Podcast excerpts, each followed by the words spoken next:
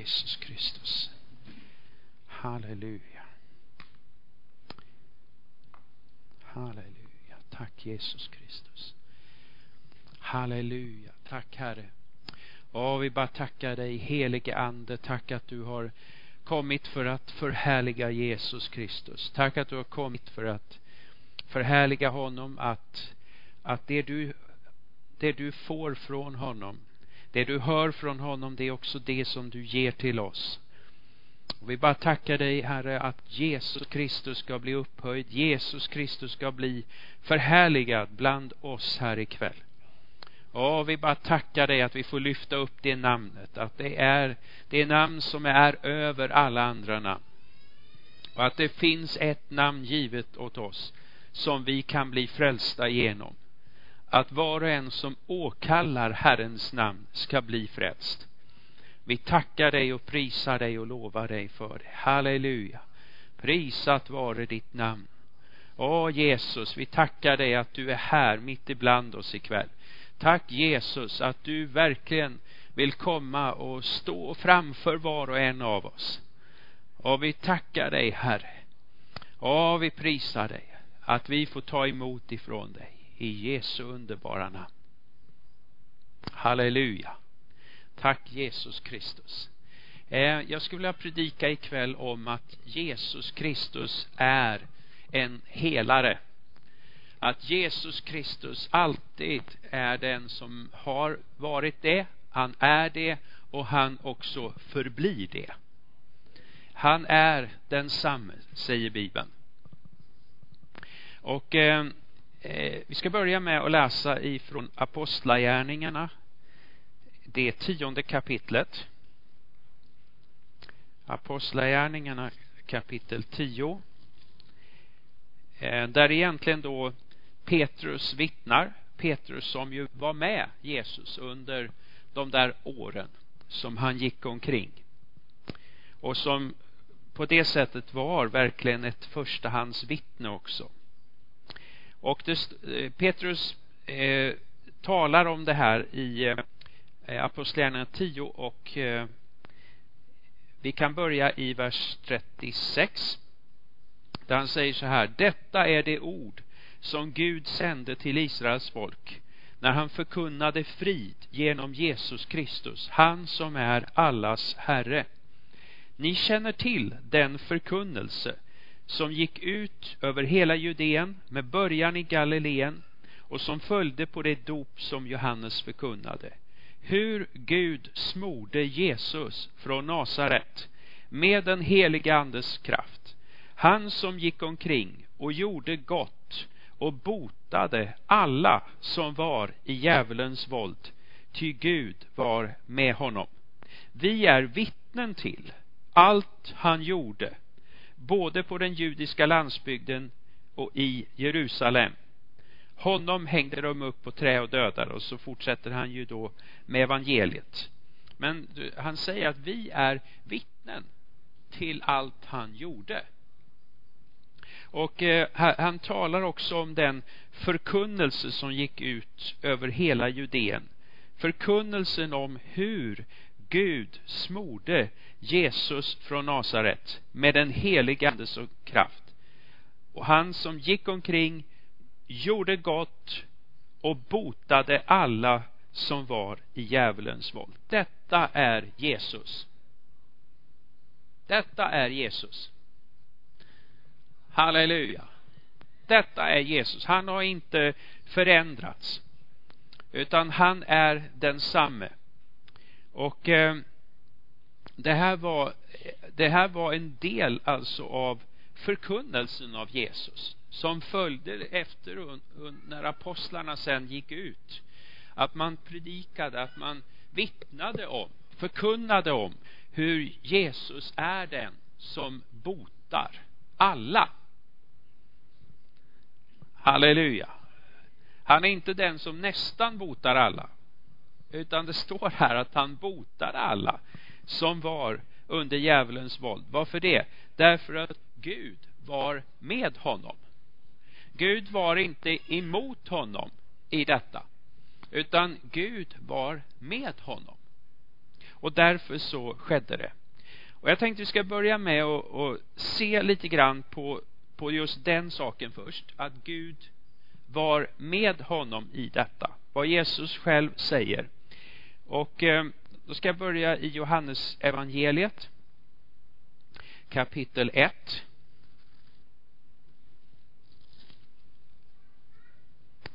Johannes evangeliet kapitel 1 eh, vers 17 där det står så här ty lagen gavs genom Mose nåden och sanningen kom genom Jesus Kristus ingen har någonsin sett Gud. Den enfödde som själv är Gud och är hos fadern har gjort honom känd. Eh, och, och eh, det är ju någonting som är ett absolut centrum i, i, den, eh, i vår tro. Att Gud blev människa. Att Gud klev in rakt in i vår tillvaro av tid och rum att han uppenbarade sig här för oss genom Jesus Kristus. Eh, och att att det är kan man säga då det, det representerar den högsta uppfattningen vi har om Gud. Eller den högsta kunskapen vi har om Gud. Den högsta uppenbarelsen vi har av Gud den har vi fått genom Jesus Kristus. Den har vi fått genom att han själv valde att ta på sig mänsklighet. Och genom att göra det, som jag sa, klev rakt in i vår tillvaro, klev rakt in i tid och rum och blev som det heter en av oss. Eh, han, han, han blev människa. Och genom det så har han uppenbarat eh, Gud för oss. Han har uppenbarat hurdan Gud är.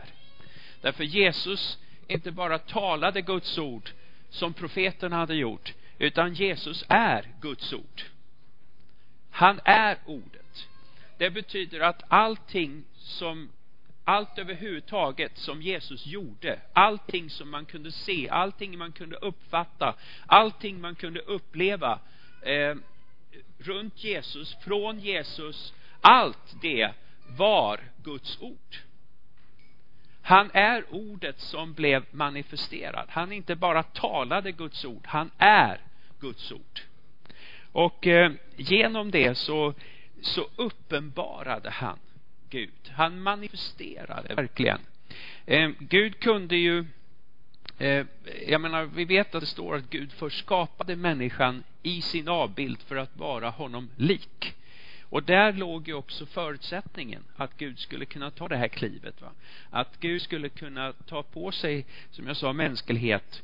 Det byggde ju på att han först hade gjort människan till sin egen avbild.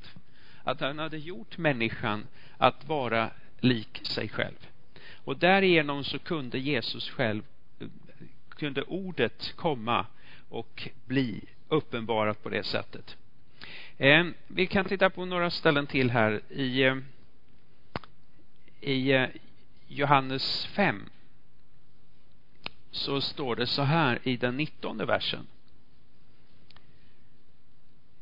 Jesus svarade dem, amen, amen säger jag er, sonen kan inte göra något av sig själv, utan endast det han ser fadern göra. Till vad fadern gör, det gör sonen. Fadern älskar sonen och visar honom allt vad han själv gör. Och större gärningar än dessa ska han visa honom så att ni kommer att häpna.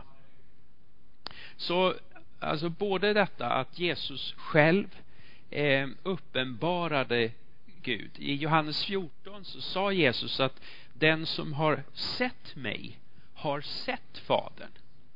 Den som har sett mig har sett Fadern.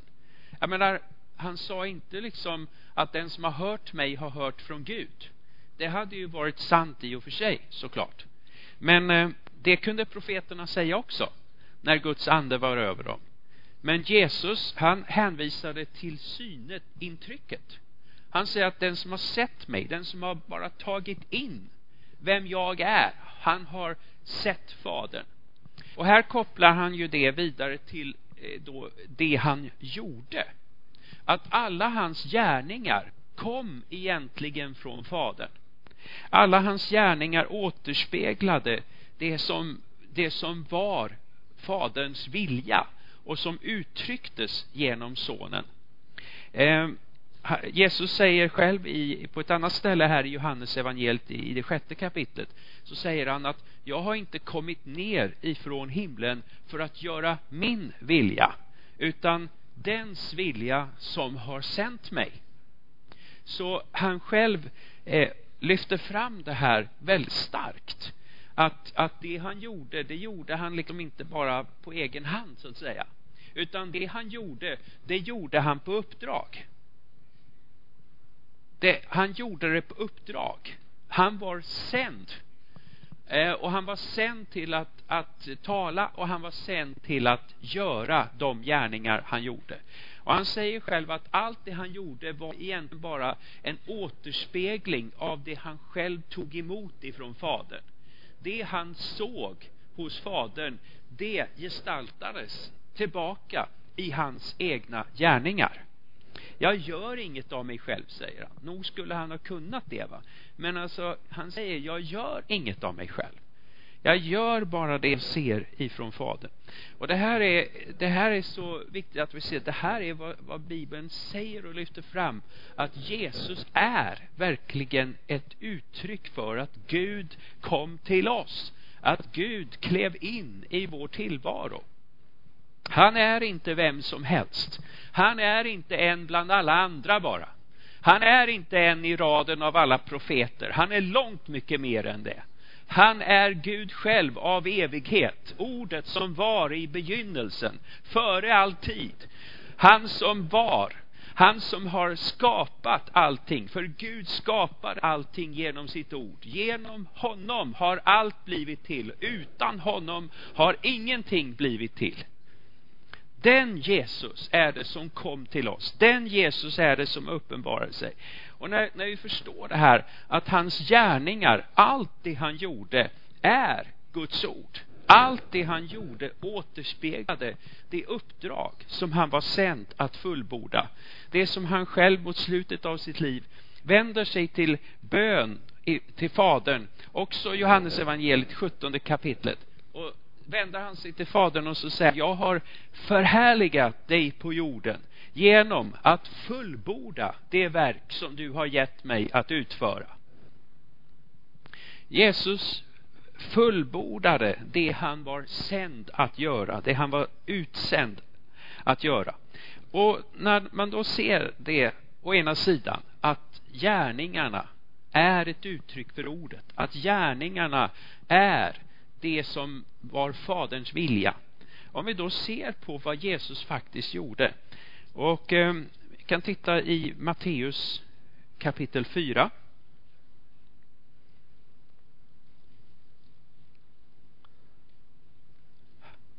I Matteus kapitel 4 så, eh, så står det om honom så här.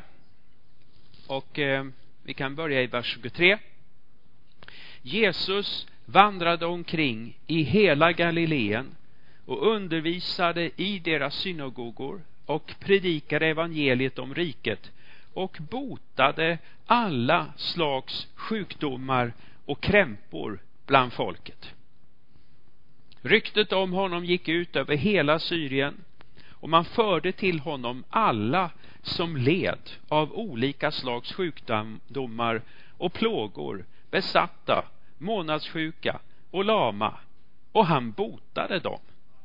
Och mycket folk följde honom från Galileen och Dekapolis, från Jerusalem och Judeen och från andra sidan Jordan.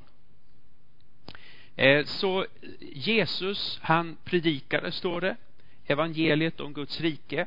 Han undervisade, men han botade också alla slags sjukdomar och krämpor eller skröpligheter. För du vet ju allt det, det, allt det som vi kan kan lida av eller lida under är ju inte sjukdomar. Det finns ju skador också.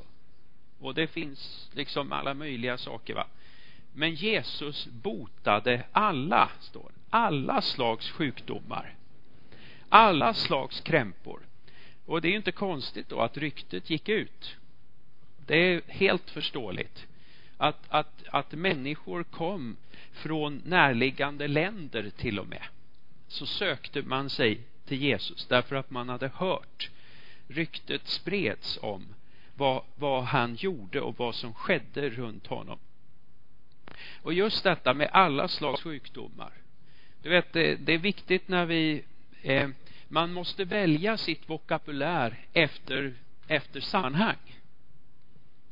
Till exempel när vi är på sjukhuset. Då kan vi, där kan vi prata om obotliga sjukdomar. Därför att eh, vetenskapen har sin gräns. Möjligheterna har sin gräns.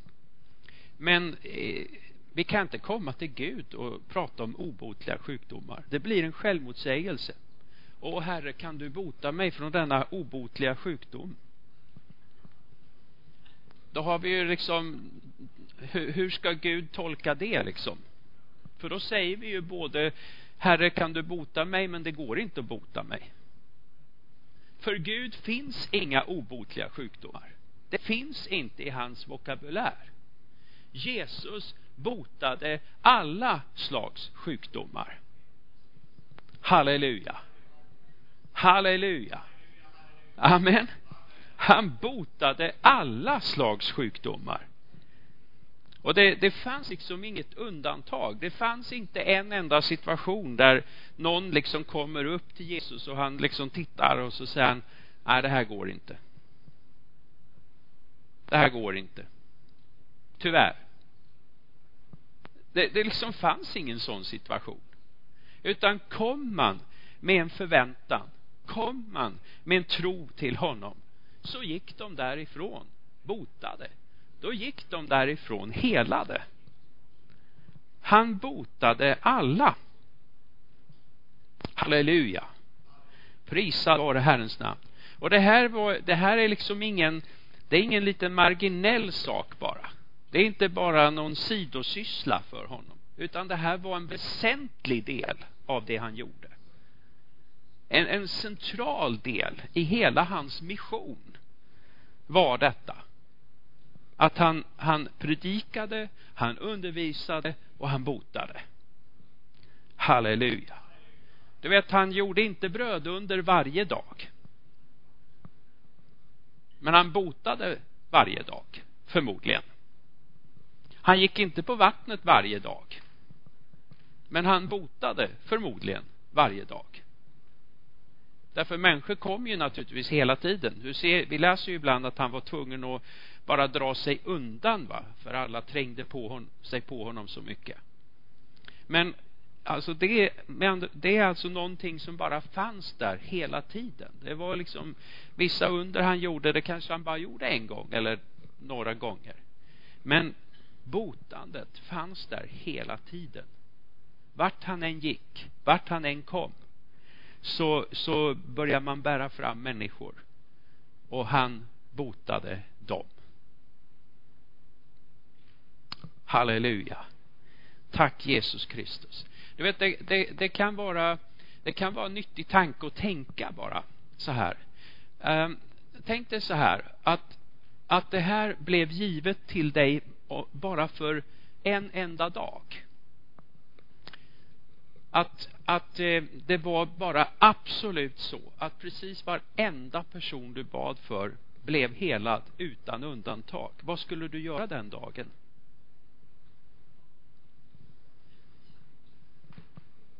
Det är ju bara en nyttig sak att tänka på, eller hur?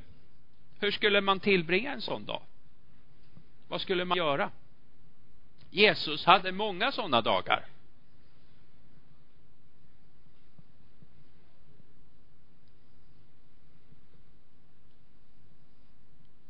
Och jag menar, om du tänker till så har du säkert dina idéer vad du skulle göra då. Och vi ska inte tro för ett ögonblick att Jesus hade liksom en sämre uppfattning om det än vad vi skulle kunna ha. Eller hur? Utan Jesus var målmedveten. Det var ju naturligtvis också för att folk skulle höra budskapet. Självklart var det det. Men alltså det var också för att folk skulle bli helade överallt. Inte bara på en plats, utan överallt. Och därför gick han från plats till plats. Därför att det är alltså en stark drivkraft hos honom att bota människor. Halleluja. Amen. Det är en stark drivkraft, det är en stark motivation hos honom. Han, han liksom hade inte sådär halvtjurig inställning att klart jag kan bota men vill de något får de väl komma hit då. Liksom hade, hade inte en sån inställning. Utan han gick ut dit människor var. Han gick systematiskt från plats till plats, från by till by. Till och med på, i Markus evangeliet står det från gård till gård. Står det. Alltså att han, han, han gick alltså för att människor skulle få del av det. Halleluja. Prisad vare Herrens namn. Ehm, låt oss titta i Matteus 8. Och ehm, eh, först ifrån början där så står det så här. När han gick ner från berget följde mycket folk efter honom. Då kom en spetälsk fram och föll ner för honom och sa Herre, om du vill kan du göra mig ren.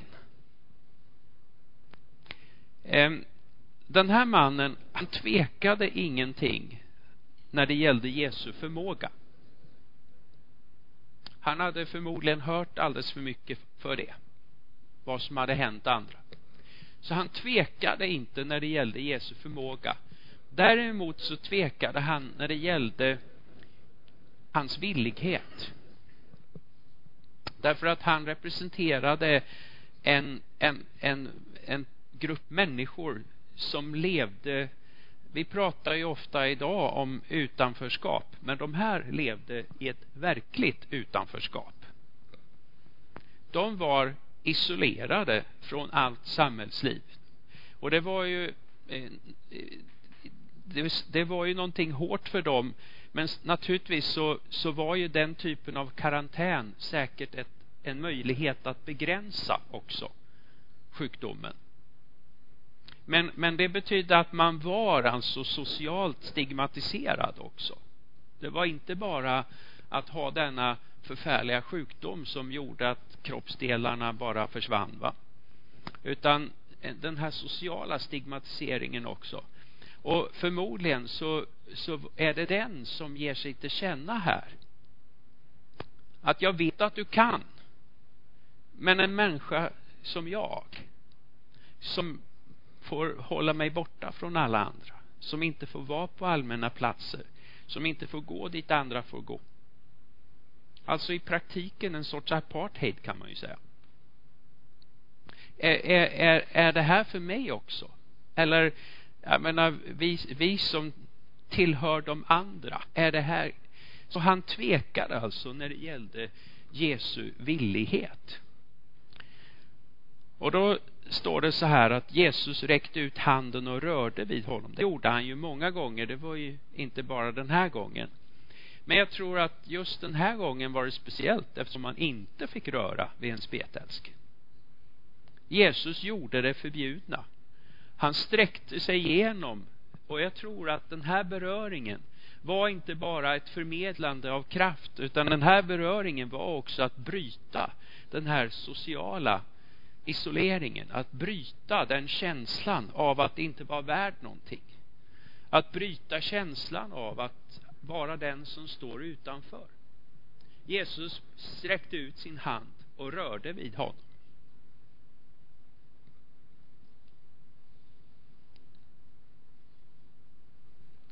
Det är ju så aktuellt idag. Vem idag skulle sträcka ut sin hand och röra vid en ebolasmittad? med bara handen så. Men det är precis det Jesus gjorde.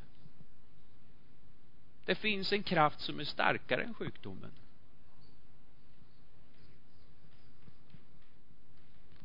Amen. Så Jesus svarar honom bara Jag vill. Jag vill. Bli ren. Genast blev mannen ren från sin spetälska. Halleluja. Amen. Han blev botad. Och eh, just detta med Guds vilja att bota. Guds vilja, alltså som vi sa här, att allt det Jesus gjorde återspeglade faderns vilja, återspeglade faderns uppdrag. Och det betyder att om Gud skulle tänka på ett sånt sätt att det här var liksom lite selektivt va då borde Jesus åtminstone vid något tillfälle som då skulle finnas i de fyra evangelierna säga till en människa nej det är inte Guds vilja för dig att bli botad du får gå hem om Gud skulle tänka så ibland så måste Jesus någonstans ge uttryck för det eftersom han uttryckte Guds vilja. Hur ska vi annars kunna uppfatta att det är Guds vilja om inte Jesus ger oss något exempel på det? Så att vi tydligt kan se, ja men ibland är det så här. Så var det för den och det är klart, då kan det ju vara så för mig också. Men du kan inte hitta ett enda ställe där Jesus säger det till någon Du kan inte hitta en enda situation där han säger nej, det är inte Guds vilja för dig. Du får gå hem. Och frånvaron av ett sådant exempel är frånvaron av att så tänker inte Gud. Och det betyder att om vi tänker så, så tänker vi fel om Gud. Därför Gud tänker inte så. Eller en liknande variant. En annan människa kommer till Jesus och Jesus säger Nej, jag kan inte bota dig idag för det är inte Guds tid än. Du måste liksom vänta på rätt tid här. Jag menar om Gud tänkte så ibland så måste vi ju också få ett exempel på det. Så att vi kan förstå att ibland tänker Gud så. Att vi först ska liksom gå och bära på en sjukdom en viss tid innan han liksom vill bota oss då. Men det finns inte ett enda sådant exempel. Så hur skulle vi kunna förstå att det är Guds vilja när vi tittar på Jesus? Därför att när vi tittar på Jesus, det är då vi ser Guds vilja. Och Gud hjälpe oss att titta mer på Jesus. Vi tittar på så otroligt mycket annat. Vi lyssnar på så otroligt mycket annat. Men vi behöver titta mer på honom. Halleluja. Amen. Vi behöver titta mer på honom. Därför att det är då vi ser hurdan Gud är. Det är då vi ser vad som är Guds vilja eller inte.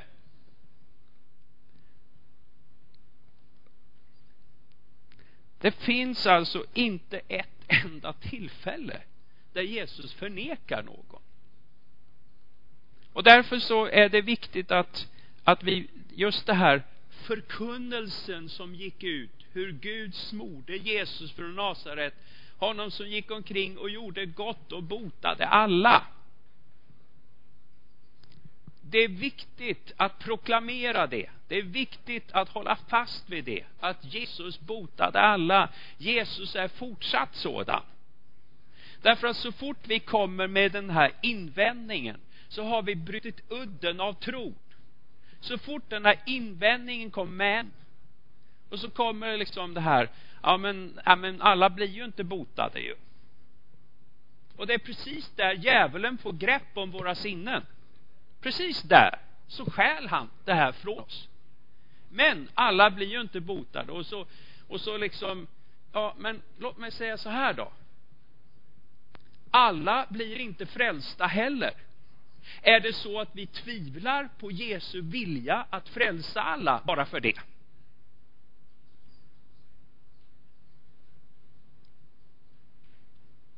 Varför skulle vi tvivla på hans vilja att bota alla om nu inte alla blir botade? Det, det är inte upp till oss att förklara det. Det är upp till oss att predika Guds ord.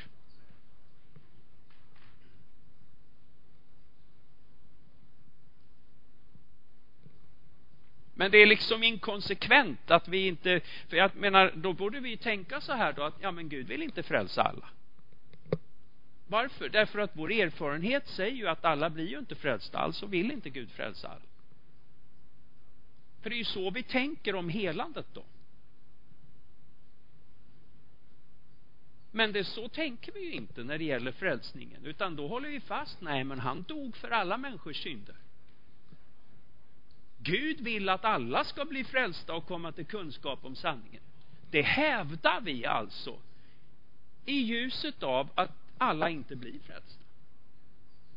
Så hävdar vi ändå Guds vilja att frälsa alla. Varför skulle vi göra annorlunda när det gäller helande?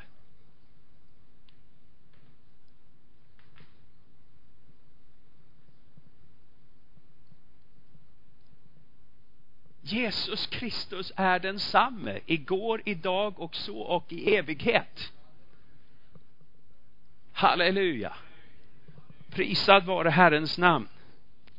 Amen. Eh, lite längre fram i det åttonde kapitlet här så står det så här i vers 14. Jesus kom hem till Petrus hus och fick se att Petrus svärmor låg sjuk i feber. Han rörde vid hennes hand och då lämnade febern henne. Och hon steg upp och betjänade honom. När det blev kväll förde man till honom många besatta. Och han drev ut de onda andarna med ett ord och botade alla sjuka. För att det skulle uppfyllas som var sagt genom profeten Jesaja. Han tog på sig våra svagheter och våra sjukdomar bar han. Detta underbara kapitel, Jesaja 53. Detta fantastiska kapitel, Jesaja 53, som målar Jesus, som ställer fram Jesus profetiskt, långt innan han kommer här på jorden. Men en del då har ju försökt att säga, ja men liksom, det är ett andligt helande det handlar om. Gud helar liksom vår själ, han helar oss från synden, han helar oss från det inre. Det här säger ju precis tvärtom. Här står det att det var just när Jesus botade de sjuka, när han drev ut onda andar, det var just då ordet uppfylldes. Det var då ordet fullbordades om att han tog våra sjukdomar. Så vad fick det för konsekvens? Jo, säger Matteus, att när, när de kom till Petrus svärmors hus den kvällen, när de stod och trängdes utanför huset, när de hade liksom ropade på Jesus att han kom till mig också, kom till mig också. Och han botade alla de sjuka. Så var det ett exempel, säger Matteus på, hur detta ord gick i fullbordan att han tog våra sjukdomar så, så, så ska vi säga och påstå att det inte är just sjukdomar Jesaja 53 handlar om så måste vi också motsäga Matteus uppfattning om det. För hans uppfattning som vi har här är väldigt klar. Att det var sjukdomar som menades när det står sjukdomar att det var våra sjukdomar, våra smärtor som han la på sig. Och genom hans sår har vi blivit helade. Halleluja. Tack Jesus Kristus. Tack Jesus Kristus. Och som sagt, allt det här handlar i grunden om Guds hjärta. Hans vilja att bota. Det handlar om hans hjärta. Eh, och om vi bara tittar lite längre fram här i Matteus så står det i kapitel 9 och vers 35.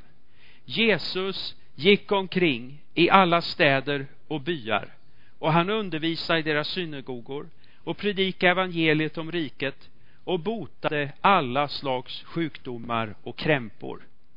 När han såg folkskarorna förbarmade han sig över dem eftersom de var rivna och slagna som får utan herde. Jesus var fylld av barmhärtighet mot de rivna, de slagna, de vilsna. Därför botade han.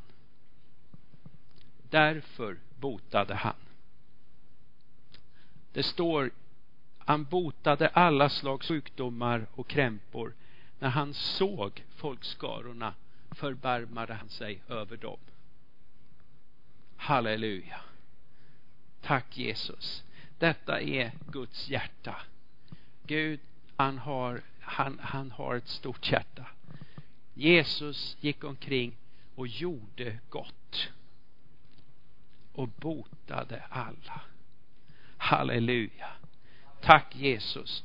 Och när vi, när vi predikar och proklamerar evangeliet så är det också det vi predikar, det vi proklamerar. Att Gud vill hela alla. Man kan inte komma till någon annan slutsats om man läser de fyra evangelierna som just lyfter fram Jesus, hans liv, hans tjänst, det han gjorde, det han sa. Eh, och som sagt, den som har sett mig har sett Fadern. Jag gör ingenting av mig själv, utan bara det jag ser hos min fader, det gör jag. Det går inte att missta sig på vad Gud vill. Det går inte att missta sig på vad Gud tänker om detta. Han vill bota alla. Halleluja. Amen. Han vill bota alla. Det är hans vilja. Det är, och, och, och jag menar, eh, det spelar ingen roll alltså vilka, vilka motargument och annat vi reser upp. Det står där ändå. Som jag sa, vi är inte satta här och försöka svara på alla frågor. Vi är satta här att förkunna evangeliet. Frågorna får Gud ta hand om. Men en sak vet jag, det är att, att om vi vill få de resultat som ordet talar om, då behöver vi tro det som ordet säger. Vi kan liksom inte gå halvvägs in i det här. Utan vi måste acceptera att det här är faktiskt vad Bibeln säger. Det här är vad den påstår om Jesus. Det här är vad den vittnar om Jesus. Kan jag tro det? Vill jag tro det? Vill jag tro det som Bibeln säger? Eller har jag reservationer? Har jag orsaker till att jag inte vill det? Är det skönt att inte tro det Bibeln säger? Och så vidare och så vidare. Jag menar, man får liksom gå igenom för sig själv. Därför att vi måste komma inför detta. Alltså, jag, jag menar, tänk om han var här ikväll på samma sätt som han var där då. Det, han är här ikväll, men han är inte här fysiskt. Han är inte här som han var inför lärjungarnas liksom syn. Men om han var här, jag menar, tänk vad småaktigt det skulle vi känna som vi sitter där och säger, men förstå Jesus, vi är svenskar. Vi kan inte, vi kan inte tro så där radikalt, det går liksom inte. Det, det stämmer inte med vår kultur. Vi är ett försiktigt folk, förstår du. liksom. Det, det skulle kännas lite... Va? Det är väl också en grej, va? Att vi... Det, det, det liksom verkar så fanatiskt att vara bestämd, liksom. Det är vår, vår, vår, vår idé, det är ju alltid tredje väg, liksom. Någon sorts mellanposition, va? Att ja, han helar, men nja, liksom. Vi lägger oss där mitt emellan någonstans. Eller hur? Och det, det är ju liksom jag kan inte tänka mig att vi skulle säga det till Jesus om han faktiskt stod här. Jag tänkte, vet du vad jag tror vi skulle hända? Jag tror att varenda en av oss skulle säga Jesus, hela mig. Jesus, gå inte förbi mig.